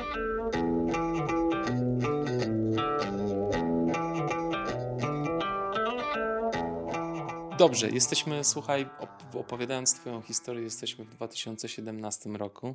Tak. Dostajesz się na Mistrzostwa Świata, bo trzy razy Śnieżka. I Jak było na tych Mistrzostwach Świata? Super, naprawdę. Jechałam tam pełna obaw, bo jednak y, no, było to dla mnie duże wyzwanie i od razu tak w zasadzie po, po roku biegania taka wielka impreza. To było coś, ale też odczuwałam dużą presję. Więc jechałam tam pełna obaw, ale pobiegłam no, najlepiej jak potrafiłam na dany moment. Myślę, że dałam z siebie wszystko jak na ten, ten czas. Nie obyło się bez przygód, ale przygody to część tego sportu, także. A jakie przygody wesoło. A przytrafił mi się upadek pod koniec biegu. Tak, przytrafił mi się upadek jakieś 4 czy 3 kilometry do końca. Wywróciłam się jakoś tak niefortunnie na dłoń. No ale co, no wstałam, otrzepałam się, pobiegłam dalej, popatrzyłam tylko na tę rękę, stwierdziłam, że no... no Nie odpadła? nie odpadła, nie wygląda fajnie, no ale chyba nie mam wyjścia, muszę pobiec dalej, zwłaszcza, że meta już tak blisko, więc pobiegłam do mety, a potem okazało się już w Polsce, że, że ręka jest złamana. Tak, złamałam sobie piątą kość śródręcza. I jeszcze się okazało, że z przemieszczeniem, więc tam dwie śrubeczki no, trzeba było wkręcić, ale no nie pierwszy raz, więc jakoś tak A śrubeczki ci zostały? Czy nie, nie, już, już są wyciągnięte. Ale myślę, że to, ten upadek jakoś, oprócz tego, że no, na chwileczkę mnie tak e, otrzeźwił i wybił z tego amoku zbiegowego, to myślę, że jakoś szczególnie nie wpłynął na, na miejsce czy na, na, na czas pewnie troszeczkę, ale nieznacznie. A ten Marduła w 2018, to jak się przygotowywałaś? Miałaś rzeczywiście takie zakusy, żeby wygrać ten bieg w tym roku? Szczerze mówiąc, yy, nie. To Nie. znaczy, oczywiście, zawsze jak staję na starcie, to staram się pobiec jak najlepiej i zależy mi jak, na jak najwyższym miejscu, ale nie zakładałam, że, że to będzie zwycięstwo. Zawsze staję na starcie po to, żeby pobiec najlepiej jak potrafię. Jeśli to nie będzie pierwsze miejsce, a dam z siebie wszystko, to, to dla mnie to jest okej. Też będziesz zadowolona. Mhm. Tak, tak, tak. No nie zawsze się wygrywa, czasami inni są lepsi, to jest Mhm. normalne. Mhm. No dobrze, ale jak na przykład biegniesz z jakąś e, inną dziewczyną bardzo blisko, a ona jest przed tobą, to. To nie... wtedy myślę oczywiście wtedy o tym, żeby wyprzedzić. Tak, Mhm, tak, no, mhm. tak, tak. No to jest część rywalizacji, to No jest tak. część sportu i, I myślę, że wszyscy, którzy startują w zawodach, gdzieś tam ulegają tej rywalizacji. Myślę, że, że nie jest tak, że, że nie rywalizujemy. Jak ktoś mówi, że, że nie, ja tam nie lubię rywalizacji, myślę, że to jest troszeczkę, trochę ściema. To trochę znaczy, można nie lubić y, tego, że ta rywalizacja niesie ze sobą jakiś ładunek emocjonalny, jakiś stres czy presję, ale myślę, że jak y, widzimy konkurentkę czy konkurenta na trasie, to, to zawsze jest chęć, żeby, żeby albo uciec tej osobie, albo ją przegonić. I to też nie przeszkadza w tym, żeby później na mecie się uściskać i wieczorem no pójść no na pizzę, prawda? No bo, to, bo ta rywalizacja jest, jest na trasie tylko i wyłącznie, przynajmniej w moim przypadku. Ja staram się podchodzić do moich koleżanek, z którymi się ścigam na takiej zasadzie, że ścigamy się na, na zawodach, ale w życiu, tak, w życiu to, to mhm. bieganie nas nie definiuje aż tak bardzo i nie musimy się ze sobą jakoś porównywać pozabiegowo. Absolutnie. To jest bardzo fajne. Zresztą często się spotykacie razem w gronie, tak, tak. prawda? Tak, tak, tak. Macie nawet wspólne treningi. E, jakiś czas temu pojawił się taki trening, to już było kilka miesięcy temu, ale że, że właśnie ja nie pamiętam, czy ty brałaś udział w tym treningu. Była Martyna Kantor, Dominika Stelmach i gdzieś nie. właśnie po Tatrach biegały dziewczyny. Nie, nie, właśnie nie było mnie wtedy, miałam jakiś problem, czy no, ciągnący się od jakiegoś czasu problem i, i po prostu nie dałam rady. Ale powiem, że oglądałem te zdjęcia, jak mi się przyjemnie zrobiło właśnie, że dziewczyny, wiesz, z czołówki biegowej naszej polskiej spotykają się razem na wspólny trening, tak po prostu dla przyjemności. To jest, wiesz, no strasznie no fajne I, I, myślę, że to bardzo dużo mówi w ogóle o, o tych biegach górskich. Tak, to prawda. I o to ludziach, jest, którzy to robią. To jest super. No dobrze, e, to ten e, Marduła był dla ciebie zaskoczeniem to, że wygrałaś. Tak, to znaczy e, w ogóle ten 2018 rok to był duży przełom dla mnie. Pierwszym tym przełomem były Mistrzostwa Świata rok wcześniej, ale, ale prawdziwy przełom wydaje mi się, że nastąpił w 2018 roku, bo zaczęłam dużo lepiej biegać i, i to już widziałam na treningach, że po prostu wskoczyłam na wyższy poziom, znosiłam dużo większe obciążenia, robiłam jednostki coraz szybciej, coraz lepiej. E, więc e, to już mi w trakcie przygotowań pokazało, że, że ten mój poziom sportowy, biegowy jest zdecydowanie lepszy niż był wcześniej. I zależało mi na tym, żeby powiedz bieg Marduły jak najlepiej. To jest świetny bieg, jeden no, z moich tak. ulubionych w ogóle. Więc y, zależało mi na tym, żeby pobiec jak najlepiej. Wiedziałam mniej więcej, kto startuje, ale y, tak do końca nie potrafiłam się w tej stawce umiejscowić, aczkolwiek wiedziałam gdzieś tam z tyłu głowy, że, że może mogę powalczyć, bo, bo czułam rzeczywiście na treningach, że, że jest dobrze. A tak naprawdę poczułam, że mogę powalczyć już, już po, po wystrzale. I jak już się zaczął bieg i zobaczyłam, jak wygląda sytuacja na trasie, to wtedy wtedy sobie uzmysłowiłam, że, że to jest być może nawet do wygrania. Od początku prowadziłaś wtedy? Z tego co pamiętam, nie. Chyba Iwonka biegła pierwsza ten odcinek asfaltowy i potem na Nosal i chyba się przetasowałyśmy na początku Jaworzynki i od tego momentu już prowadziłam. Mhm.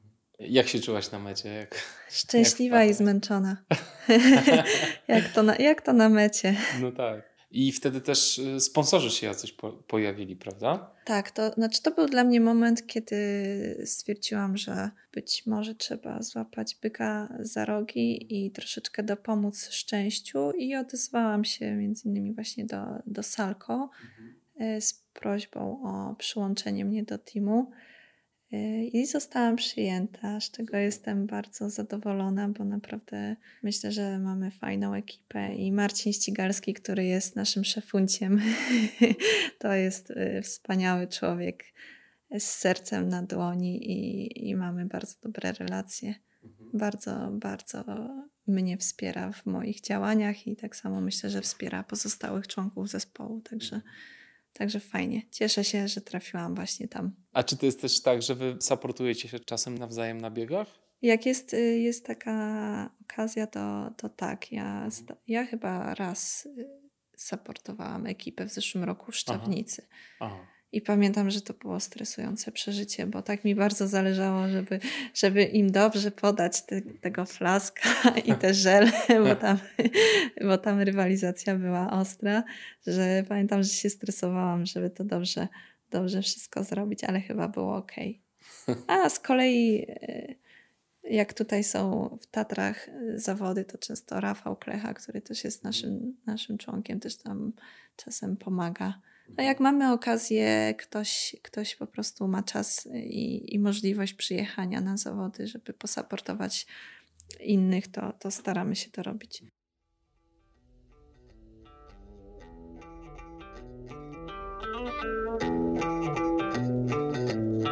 A jak Ci się biegło Tatra Fest Bieg? Wczoraj się odbyła e, edycja 2020, którą Roman bardzo ładnie, ładnie pobiegł. Jak wspominasz swój Tatra Fest Bieg? 2000. Ojej, to znowu muszę powiedzieć to samo, ale tak, no. to, to było wydarzenie też bardzo istotne na mojej biegowej ścieżce, bo to był pierwszy mój tak długi bieg, na który zapisałam się w zimie. E, jeszcze tak naprawdę przed rozpoczęciem jakichś, jakichś konkretnych przygotowań, ale stwierdziłam, no dobra, no ahoj przygodo, podoba mi się profil tej trasy i Właśnie, fajnie by było. powiedzmy ile kilometrów i jakie przewyższenia? To było około 60 kilometrów, 4000 w pionie. I trasa była inna niż ta z, z, tej, z tegorocznej edycji. Mhm. Troszeczkę się różniła. No więc zapisałam się na Tatra Fest po prostu z myślą, że fajnie będzie przebiec 60 kilometrów po Tatrach. W międzyczasie zaczęłam całkiem mm, dobrze trenować. Y, pojawił się bieg Marduły, wygrany. No i później ten Tatra Fest też poszedł mi bardzo dobrze, nad wyraz dobrze i też pokazał mi, że moje granice są dużo dalej niż, niż sądziłam, bo no, nie przypuszczałabym, że, że mnie na to stać. Czyli na przykład? Miałam tam przygodę y, drobną ze skręconą kostką i startując w tym biegu, moim głównym założeniem było to, żeby nie zrobić sobie krzywdy, bo miesiąc później dostałam powołanie od Skyrunningu na start w Mistrzostwach Świata w Szkocji. Więc y, trosz, troszeczkę mi się priorytety pozmieniały i chciałam tak czy siak przebiec Tatra Fest, najlepiej jak potrafię, ale, ale jednak y, w jednym kawałku dotrzeć do mety. Po drodze podkręciłam kostkę i już myślałam, że to będzie koniec biegu, ale jednak, yy, jednak głowa nie pozwoliła mi zejść. chyba zejść z trasy. Tak, pamiętam, że to się stało mniej więcej na 20 kilometrze. Było niedaleko do punktu, więc stwierdziłam, że no dobra, to dobiegnę do, punk do punktu, zobaczę, jak wygląda ta kostka. Nic dziwnego, że po pięciu minutach jeszcze nie była bardzo spuchnięta i wyglądała nieźle, więc stwierdziłam, ok, no to w takim razie biegnę dalej. Jak będzie źle, no to zejdę gdzieś tam po drodze. No i tak y, dobiegłam do mety. W międzyczasie uciekając przed wyimaginowaną Kasią Solińską, z którą właśnie wtedy się y, Ścigałaś. Ścigałam, tak, tak, tak. I tu się pojawia y, wątek Romana Ficka, bo pamiętam, że na przysłopie kominiarskim obróciłam się i zobaczyłam kogoś. E, Blondynkę. Z, tak, z blond włosami. Super jasne włosy, podobny strój do Kasi. Więc sobie myślę, dobra, Kasia mnie dogoni zaraz, bo jest już zaraz za mną, prawda? I włączyłam jakieś, jakieś turbo przyspieszenie. Uciekałam bardzo. Pytałam się po drodze jeszcze co najmniej dwóch osób, czy goni mnie dziewczyna, i każda z tych osób powiedziała, że tak, goni cię dziewczyna, więc ja sobie pomyślałam, dobra, przebiegłam już e, kilkadziesiąt kilometrów na pierwszej pozycji, zostało dziesięć do końca. Nie obrażę się wcale, jak Kasia mnie wyprzedzi, bo, bo jest świetną zawodniczką i, i jakby, no to po prostu będzie lepsza, ale tak. jeżeli jest szansa, żeby, żeby jej uciec, no to spróbuję. I, i pamiętam, że te ostatnie 10 kilometrów do mety mnie zupełnie zagotowały. Naprawdę biegłam tam na maksa, na, na tyle, na ile byłam w stanie. No więc dobiegłam do mety. Oczywiście z kostką już było bardzo kiepsko, no ale to pomijam. No i czekam na Kasię. Czekam, czekam. Kasi nie ma. okej, okay, przybiegają kolejni zawodnicy, przybiega Roman. Jeszcze wtedy Roman nie był tak znany w naszym biegowym środowisku. Przybiegła w końcu Kasia, pogratulowałyśmy sobie, porozmawiałyśmy miło, no i potem poszłam na masaż. Na sąsiednim stole położył się Roman Ficek. I tak sobie rozmawiamy i, i tak od słowa do słowa, aż w końcu okazało się, że to nie przed Kasią uciekałam, tylko przed Romanem. Ale puenta z całej historii jest taka, że, e, że Romek później, chyba dwa czy trzy dni e, po Tatrafeście, kiedy ja ledwo chodziłam i ogólnie byłam wrakiem e, człowieka i nie mogłam w ogóle się po tym starcie pozbierać, Romek zaczął swój projekt z dwutysięcznikami tatrzańskimi. I to jest niesamowite, że on po takim starcie dosłownie no, 2-3 dni był w stanie zrobić taką trasę, no a potem w kolejnych latach pokazał, że stać go na wiele więcej i naprawdę bardzo mi imponuje swoją postawą i też bardzo mi wczoraj zaimponował wynikiem w Tatra Fest Bieg tak, 2020. Pobiegł. Tak. Pięknie pobiegł i rzeczywiście no, sposób, w jaki on się regeneruje jest niesamowity. To, co pokazał Łuk Karpat i GSB, to jest po prostu no, to prawda. Ale to, to fajne, to fajna historia z, z, tak, to jest, z tą blondynką. Ja się, ja się z tego śmieję do tej pory, ale właśnie ta historia też mi pokazała, że, że można daleko przesunąć granice, że w momencie takiej e, dużej mobilizacji. No właśnie, no. zwłaszcza, że ty jeszcze do dystansu nie byłaś przyzwyczajona, tak, tak, prawda? Tak. I, I ciągle parłaś bardzo mocno z tak, tego, co tak. mówisz. I że dawałaś radę cały czas. Tak, przyspiesz, przyspieszyłam znacznie i ta przewaga była na mecie dużo większa, właśnie też e, wyrobiona poniekąd na tej końcówce.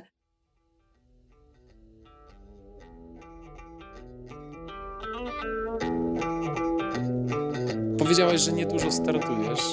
E, z czegoś to wynika? Czy... Myślę, że to wynika z tego, że nie regeneruję się tak szybko, jakbym chciała i i mam też tak, że jak już startuję, to już e, wabank, już wchodzę e, all in i, i często, często daję z siebie tak dużo, że potem e, musi minąć sporo czasu, zanim się zregeneruje. I lubię sobie wyznaczać kilka takich głównych startów. W międzyczasie coś tam się przytrafi, ale jednak, jednak ta liczba nie jest mimo wszystko duża.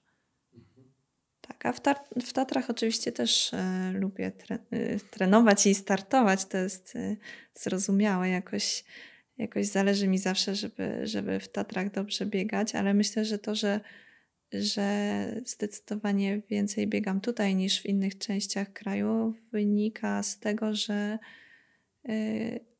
już poniekąd się ukierunkowuję w, w stronę skyrunningu. To jest, to jest rodzaj biegania, który mi się najbardziej podoba i, i uważam, że tak naprawdę skyrunning w Polsce jest, jest tylko w Tatrach. To prawda. Raczej w Bieszczadach nie ma. No nie, raczej Choćby nie. Ale słuchaj, próbować. ale Babia Góra na przykład? Właśnie tam, tak, tam jeszcze, tam jeszcze mnie nie było na zawodach i myślę, że trzeba będzie ten kierunek obrać któregoś razu. Uważali tylko tam na Romana. Romanowi to no. już teraz mogę tylko pomachać na starcie. No tak. Roman tak. rzeczywiście ładnie się rozwinął. Dobrze, a opowiedz e, o Twoim starcie w e, Tatra Sky Marathon. Wszyscy wiedzą, że Ty jesteś mocna, ale ten, ten start był wyjątkowy chyba. Też e, była mocna obsada bardzo, prawda? Dziewczyn na starcie. Jak Ty siebie widziałaś przed startem w ogóle? Bardzo mi zależało na tym biegu. To był mój w zasadzie docelowy start w tym roku, zwłaszcza po reorganizacji wynikającej z sytuacji covidowej, e, kiedy okazało się, że tak naprawdę część e, z tych startów, które zaplanowałam się nie odbędą. Okazało się, że ten Tatra Sky Marathon zdecydowanie będzie numerem jeden, chociaż e, i bez tego byłby to taki mój główny, główny start właśnie obok trofeo Kima. No i przygotowywałam się do tego startu najlepiej, myślę, jak jak potrafiłam, na tyle, na ile mi zdrowie pozwalało.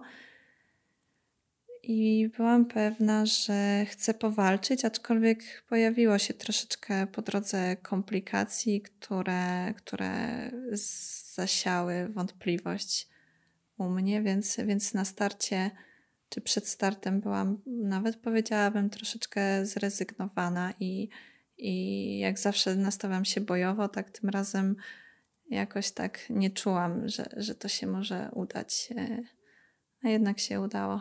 A jakie sytuacje się pojawiły wcześniej? Wiesz co, mam teraz taki jakiś problem z biodrem czy pośladkiem już ciągnący się od jakiegoś czasu. No myślę, że każdy tam od czasu do czasu łapie jakąś kontuzję i mnie też się to przytrafia. I praktycznie zawsze myślę, że jest tak, że jakaś, jakiś tam problem się pojawia i rzadko się zdarza tak, żeby wszystko się zgrało w 100%, więc nie chcę się teraz żalić i narzekać na to. Ale rzeczywiście miałam troszeczkę takich zdrowotnych problemów, więc y, ten, ten trening był, był czasami przerywany, czy, czy, czy jakieś tam jednostki musiały wypaść mhm. z planu. No dobrze, a sam ten start w Tatra Sky Marathon, jak wyglądał, powiedz? Jeśli chodzi o przebieg tak. rywalizacji? Tak. E, wiesz co? E, tak, Dominika Stelmach ruszyła bardzo mocno i prowadziła przez, przez pierwszą część e, zawodów. Mniej więcej pięciominutowym odstępie od niej biegłam ja z Martyną i na pierwszym podejściu od przełęczy w Grzybowcu na Kopę Konradzką po drodze wyprzedziłam Martynę i byłam na drugiej pozycji. Wydaje mi się, że na Kopie Konradzkiej Dominika miała już około 5 minut przewagi, więc, więc bardzo dużo. Rzeczywiście mocno zaczęła. Zresztą sama to później mówiła, że, że tak, tak sobie to zaplanowała i po prostu zaryzykowała. Ja starałam się biec y, swoim tempem, aczkolwiek to moje tempo było takie, że, że też, już, też już na kopie, czy ogólnie na czerwonych wierchach czułam, czułam już trudy zawodów, a to dopiero był początek, także też nie biegło mi się jakoś super lekko ale starałam się trzymać e, swoje mocne tempo. Później z, ciemniaka jest dość długi zbieg na Hale Ornak i w Dolinie Tomanowej zobaczyłam Dominikę, co mnie mocno zaskoczyło, bo wiedziałam wcześniej, że ma dużą przewagę i w zasadzie wcześniej jej nie widziałam, ale dobiegłam do niej na punkcie odżywczym i to był właśnie moment, kiedy, kiedy się przetasowałyśmy. Mhm. Dominika nie miała supportu, więc troszeczkę więcej czasu tam musiała spędzić, a mnie pomógł y, właśnie Marcin Ścigalski, też był Maciek y, Dąbrowski i, i Łukasz Tracz. Bardzo im dziękuję za pomoc, naprawdę ekspresowo to poszło. I tam się z Dominiką przetasowałyśmy. Ale ja wiedziałam, że Dominika mnie za chwileczkę y, doścignie, bo, bo zaczynało się podejście. Ona jest bardzo mocna pod górę, więc, y, więc wiedziałam, że, że ta moja przewaga y, jest chwilowa. I rzeczywiście tak się stało, że Dominika na Iwaniacką przełęcz wbiegła przede mną wyprzedziła mnie i, i miała kilkadziesiąt, myślę, metrów przewagi, ale ca cały czas y, ją widziałam. Ja starałam się nie przyspieszać z tej okazji, tylko, tylko trzymać swoje tempo, bo wiedziałam, że jeżeli, że jeżeli będę w tym momencie próbowała ją za wszelką cenę gonić, to po prostu nie starczy mi sił. No i tym swoim równym tempem zaczęłam ją doganiać. I Dominika Zresztą też później mówiła, że miała tam troszeczkę kryzys. Połączyłyśmy się mniej więcej przed Ornakiem. Chwileczkę e, razem biegłyśmy i później ja stwierdziłam, że, że mogę trochę szybciej i ją wyprzedziłam. I od tego momentu prowadziłam, aczkolwiek yy, powiem szczerze, że cały czas się obawiałam, że albo, albo właśnie Dominika, albo Martyna, która też nie była daleko za mną, mnie dogonią. Mhm. Więc, y, więc myślę, że do samej mety czułam dreszczyk niepewności, a szczególnie obawiałam się końcówki, bo Jakoś, jakoś te przewyższenia i, i te trudności pod górę czy w dół mnie nie przerażały. Bardziej się obawiałam końcówki od Doliny Chochołowskiej e, do mety ścieżką, ścieżką nad reglami i później, później płaski fragment w Dolinie Kościeliskiej pod reglami. To były, to były miejsca, gdzie wiedziałam, że dziewczyny raczej pobiegną szybciej ode mnie, bo, bo są niesamowicie szybkie, jedna i druga, i, i jakoś tak sobie wyobrażałam, nawet w sumie przed tym startem, że jeżeli bym miała jakimś cudem uciekać, to, to tam będzie na pewno gorąco. Ale w końcu wpadłaś na metę i to z nie taką małą przewagą. Tak się udało, no tak. właśnie. Tak. Także musiałaś tam niesamowicie odrobić. Wiesz co, nie wiem, wydaje mi się, że chyba ta największa przewaga e, się pojawiła na tym odcinku, powiedzmy od Ornaku przez Starorobociański do Polany trzydniówka na zbiegu. Tam wydaje mi się, że, y, że zrobiłam największą przewagę, a y, ta końcówka y, raczej podejrzewam, że, że nie była miejscem, gdzie ta przewaga rosła, tylko raczej albo topniała, albo się utrzymywała na podobnym poziomie.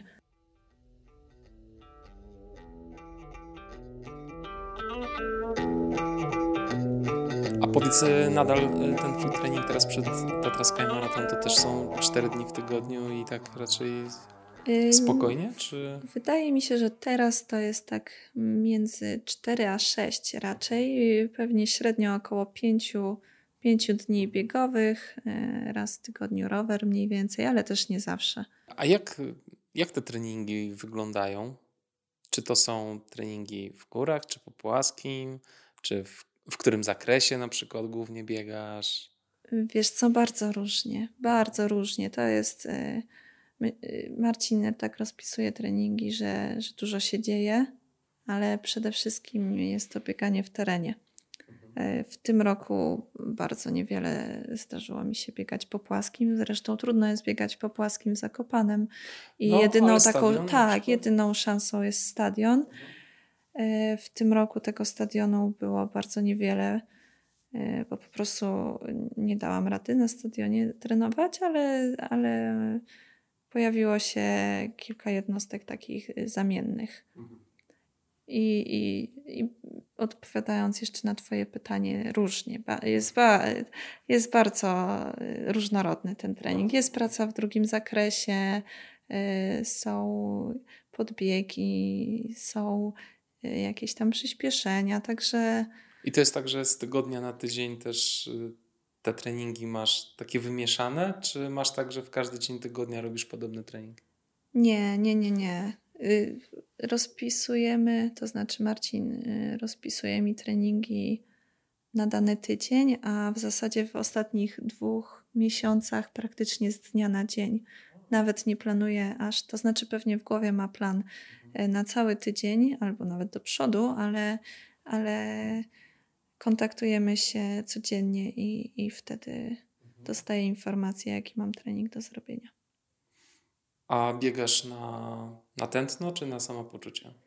Jedno i drugie. Mhm. Jedno i drugie. Biegam z paskiem, ale dużą, dużą taką informacją dla mnie jest to, jak się czuję. I często to, to tętno nie jest y, jedynym wyznacznikiem i bardziej, bardziej zwracam uwagę na samopoczucie. A jak zbiegasz w ogóle? Jesteś zadowolona ze swojego zbiegania? Wydaje mi się, że zbiegam całkiem nie najgorzej. Y, raczej nie trenuję zbiegów jako takich, bo uważam, że to jest po prostu zbyt ryzykowne. Szkoda by było sobie złamać rękę na, no tak. na, na treningu, prawda? Więc, yy, więc raczej, raczej tego nie trenuję, ale na zawodach potrafię wyłączyć strach i rzeczywiście mocno, mocno zbiegać. Zwłaszcza jak jest trudno, to to wydaje mi się, że to są takie fragmenty, gdzie w porównaniu do innych zyskuję. Mhm. Czyli nie czujesz jakichś blokad yy, psychicznych? Wiesz co, oczywiście zawsze jest obawa przed upadkiem i zawsze jest moment yy, taki, że, że jakby gdzieś tam z tyłu głowy pojawia się myśl, że może ostrożniej i uważaj, bo, bo tutaj możesz się wywrócić, więc to też nie jest takie yy, zbieganie no, na łeb, na szyję. Raczej, raczej ostrożnie, ale mocno. A jakbyś, jak tak myślisz o sobie, to jakie elementy treningu u siebie byś jeszcze zmieniła, poprawiła? No, myślę, że dużo jest takich elementów, które wymagają poprawy. Na pewno technika biegu to jest element do poprawy. Na pewno szybkość. Raczej nie uważam, żebym była szybką zawodniczką. Wszystko, co się tyczy treningu uzupełniającego, to jest na pewno pole do dużego manewru u mnie. No to by były takie chyba trzy główne. Ja w zasadzie lubię trenować też po płaskim. Kiedyś nie przebadałam za wizytami na stadionie, a teraz, teraz nawet lubię. Wiem, że tam mogę jeszcze dużo poprawić i, i dużo później zyskać, więc, więc bardzo chętnie, aczkolwiek na pewno chciałabym startować w biegach, które jednak się składają z dużych przewyższeń i z trudnego terenu, więc, więc to jest y, mój główny kierunek i, i to, w czym chcę się rozwijać. Także ten trening y, po płaskim na pewno się przełoży, ale raczej nie mam zakusów, żeby, żeby on się przełożył na przykład na bieganie po płaskim, tak, bo, bo nie mam chyba za bardzo ambicji, żeby na przykład przebiec maraton płaski. Mhm. Bardziej, bardziej na przykład y, dychę chciałabym pobiec szybko. O. To znaczy szybko na miarę moich możliwości, prawda? I to jest, to jest miejsce, gdzie, gdzie chciałabym kiedyś się sprawdzić i, i zobaczyć, na ile jestem w stanie powiedz. No płaskie. plus na przykład na mhm. takiej imprezie jak bieg Granią Teatr, to tam są takie fragmenty, że chyba bieganie szybkie się przydaje, zwłaszcza jak się wybiegnie na czerwone wierchy. Ale ty, rozumiem, głównie swoje, swoją siłę upatrujesz w podbiegach i w zbiegach.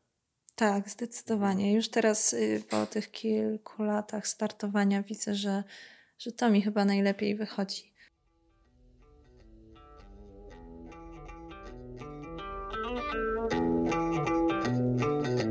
Jakaś impreza, którą chciałabyś pobiec? Może w przyszłym roku jakaś główna? Ojejku, jest tego dużo. No. Tak szczerze powiedziawszy, to, to ja mam raczej problem z tym, co wybrać. No proszę. tak, tak. No, przy założeniu oczywiście, że te zawody się wszystkie odbędą, to twoja pierwsza trójka jaka by była? Wiesz co, przede wszystkim y, chciałabym pobiec trofeo Kima. Zawody we Włoszech, które miały się odbyć w tym roku i byłam zapisana. Niestety się nie odbyły i zostały przełożone na rok 2022, czyli za dwa lata. Tak, tak, bo to są zawody, które się odbywają co dwa lata. Y, była opcja albo odzyskania bodajże 70% wpisowego, albo przeniesienia pakietu startowego na za dwa lata. Oczywiście wybrałam opcję numer dwa. Wprawdzie nie wiem, czy jeszcze będę żyć wtedy, ale stwierdziłam, dobra, Kima za dwa lata obowiązkowo. tak, i, i to jest na pewno jeden z tych startów, który mi się marzy.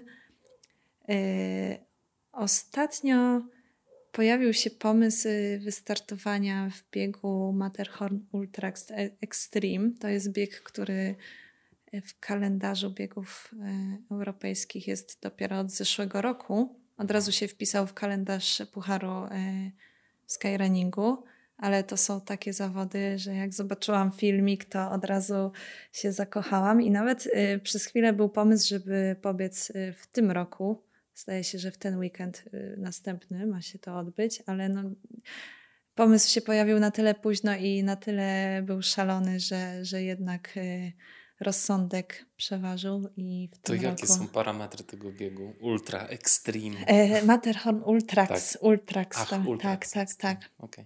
22 km i 2800 do góry w terenie mm, trudnym. No tak. Z elementami takimi powiedzmy wspinaczkowymi już. Mhm. Rozumiem, że wszystko z widokiem na Matterhorn. Tak, tak, mhm. tak. No to tak. pięknie.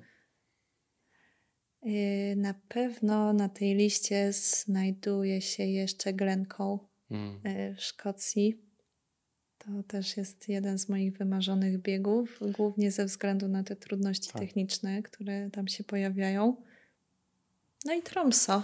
To taki, Aż, takie to, top takie hardkory ostre. Tak. A ty w ogóle wspinałaś się kiedyś? Miałam epizod spinaczkowy, tak, tak. tak. Nie, nie masz, y, y, nie obawiasz się wysokości albo właśnie żywej, żywej skały, po której miałabyś się tam troszeczkę Nie. spiąć momentami? Nie, nie jest to dla To ciebie. znaczy, y, no nie jestem choj- chojrakiem i, i na pewno lęk się pojawia w niektórych momentach. Też y, są takie chwile, kiedy, kiedy nie jestem pewna w 100% w górach i, i rzeczywiście każdy krok jest y, ważony i, i, i ostrożny, ale, ale chyba to, co mi się najbardziej w górskim bieganiu podoba, to te ekstremy. Mhm. Jakoś to jest kierunek taki Wow, najbardziej super. dla mnie pociągający. Fajnie. Tak, Oj, fajnie. To się będzie działo. zobaczymy. Kurczę, takie wiesz, e, to są ogromne emocje jednak jak, jak ktoś z naszych startuje na takich wiesz, ważnych, trudnych zawodach. To jest super. Na pewno będę musiała potrenować dobrze do takich zawodów. Mhm. I również y, poruszanie się w takim terenie trudniejszym. Bo tam już rzeczywiście, zwłaszcza w Szkocji, jest, jest, jest trudno dosyć. Ale ty biegłaś już, y, mm, to było w Szkocji, Glen, e, nie Glencoe, tylko biegłaś... Ring of Ring Steel, tak, tak, biegłam i zakochałam się Tak? w Szkocji wtedy, tak, tak. Świetny bieg, naprawdę, rewelacja, bardzo mi się podobało. To jest właśnie taki rodzaj biegania, który mi się najbardziej podoba. Jak dużo się dzieje, jest, jest skała, trzeba czasem złapać ręką, przejść po grani. To są, to są te fragmenty, które mnie najbardziej cieszą. Im trudniej, tym fajniej. Nie mówię, że, że jestem w tym super, bo myślę, że mogę się, się jeszcze dużo nauczyć i dużo podszkolić, ale, ale to mi się najbardziej podoba. Mhm. Wtedy, kiedy jest górsko, wtedy mi się podoba najbardziej.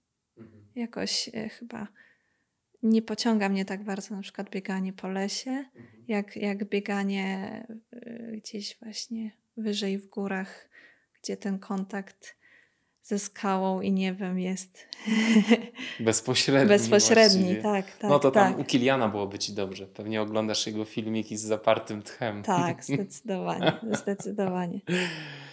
Dobrze. Opowiedz, opowiedz Miśka, powiedziałaś o, o planie B i C na, na swoją przyszłość. Jakbyś mogła zdradzić, jakie to są plany, jeśli nie biegowe, jeśli nie sportowe, to może jakieś inne? Wiesz co, akurat miałam na myśli bardziej sportowe Aha, plany, to- ale wiesz co? y, Ja mam cały czas takie poczucie, że troszeczkę za mało działam w górach. Chciałabym działać w tych górach więcej. Zajmuję się bieganiem po tych górach i rzeczywiście to moje bieganie gdzieś tam kręci się wokół gór. Te góry są w epicentrum i generalnie gdyby nie góry, to raczej nie chciałabym biegać. To znaczy, jeżeli bym miała biegać po płaskim, to wolałabym w ogóle nie biegać. Ale cały czas e, czuję jakiś niedosyt gór i, i mam wrażenie, że można, znaczy mam wrażenie, wiem o tym, że, że można w nich robić znacznie więcej, nie tylko po nich biegać. E, Więc na pewno mam w głowie e, dużo pomysłów, jeśli chodzi o, o jakieś trudniejsze przejścia, może jeszcze nie całkiem wspinaczkowe, ale po prostu w trudniejszym terenie. Na pewno chciałabym się wspinać w górach. To też jest takie moje duże marzenie. Liznęłam troszeczkę tego, ale niewiele. Bardziej wspinałam się sportowo w skałkach, znaczy sportowo. Na moim poziomie to jeszcze nie był jakiś, nie było to jakieś sportowe wspinanie, ale powiedzmy skałkowo. Y, Na pewno mam duży niedosyt, jeśli chodzi o zimową działalność górską, i tutaj chciałabym y, troszeczkę rozwinąć skrzydła. Mam na myśli głównie narciarstwo wysokogórskie i, i ski alpinizm w wydaniu też zawodniczym. Myślę, że że chciałabym spróbować tak, żeby zobaczyć, jak to jest, wystartować w zawodach, ale też, też właśnie pozjeżdżać e, w fajnych miejscach, bo jakoś w zimie trochę mi brakuje czasu na, na realizowanie jakichś tam swoich celów sportowo-górskich i, i bardzo chciałabym e, ten temat e, rozwinąć. tak, ta zima też za szybko się kończy. Tak, to chociaż wiesz, no, w Zakopanem zima jest pół roku. No tak, ale właśnie pierwsze dwa miesiące człowiek się zbiera, o jest śnieg, to pójdę zrobić coś w górach, a potem jakoś się to rozłazi wszystko. No nic, dziękuję Ci Miśka strasznie za rozmowę. Jesteś bardzo fajną osobą. Ojej, dziękuję, bardzo mi za, miło. Zaskoczyłaś mnie po prostu w tylu aspektach, że po prostu aż, aż nie wierzę. Także, także super. Mm. Przepraszam, że tak długo, ale e, chciałem się dowiedzieć więcej o tobie. Dziękuję bardzo za rozmowę. Bardzo miło mi się rozmawiało. Dziękuję serdecznie. Pozdrawiam cię i do zobaczenia Dzięki na zawodach. Pa. pa. No i czyż Miśka nie jest wspaniała? Czy ludzie nie są wspaniali? Im dłużej prowadzę ten podcast, tym więcej odkrywam tych skarbów dla siebie i dla Was. A te skarby najłatwiej znaleźć w górach.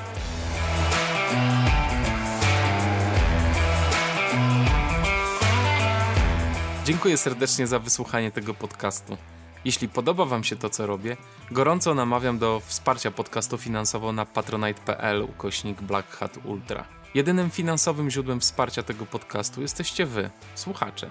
Bardzo doceniam każdy wkład, a najniższy próg wsparcia to tylko 5 zł, więc serdecznie zapraszam do kliknięcia w link, który znajdziecie w opisie odcinka. Podcast można również wspierać w mediach społecznościowych, udostępniając informacje o nim w postach, relacjach i na tablicach. W tej chwili podcast na Patronite wspiera już 80 osób, ale chciałbym wymienić tutaj nazwiska tych, których wkład jest największy – są to Agnieszka Barczyk, Krzysztof Bednarz, Magdalena Czernicka, Agnieszka Dudek, Andrzej Gąsiorowski, Bieta Chryń-Morawska, Michał Janiak, Paweł Kaczmarek, Łukasz Kluba, Przemysław Kozłowski, Szymon Kubicki, Agnieszka Łęcka, Marek Maj, Michał Mężykowski, Wojciech Pietrzok, Mariusz Podgórny, Łukasz Różanowski, Kamil Sowiński, Michał Stafaniak, Błażej Wachnienko, Hubert Wierzbicki, Edyta Winnicka i Michał Wójcik. Nieustająco zapraszam wszystkich również do wystąpienia w moim drugim podcaście o nazwie Black Hat Team. Jego formuła wygląda w ten sposób, że sami nagrywacie swoje historie, a nagrany materiał wysyłacie do mnie i ja go publikuję w formie podcastu. Zapraszam do kontaktu mailowego na adres ultra małpa blackhatultra.pl. Ten odcinek podcastu przygotowali Kamil Dąbkowski, prowadzenie i montaż oraz Piotr Krzysztof Pietrzak, transkrypcja i media społecznościowe, a autorem muzyki jest Audio Dealer. Fajnie, kochani, że jeszcze tu jesteście. Dzisiaj nie powiem wam nic wzmacniającego, niestety. Jestem bardzo przepracowany i zmęczony, więc kochani, dbajcie o siebie i tym razem wyślijcie do mnie sporo dobrej energii. Przyda mi się. Buźka.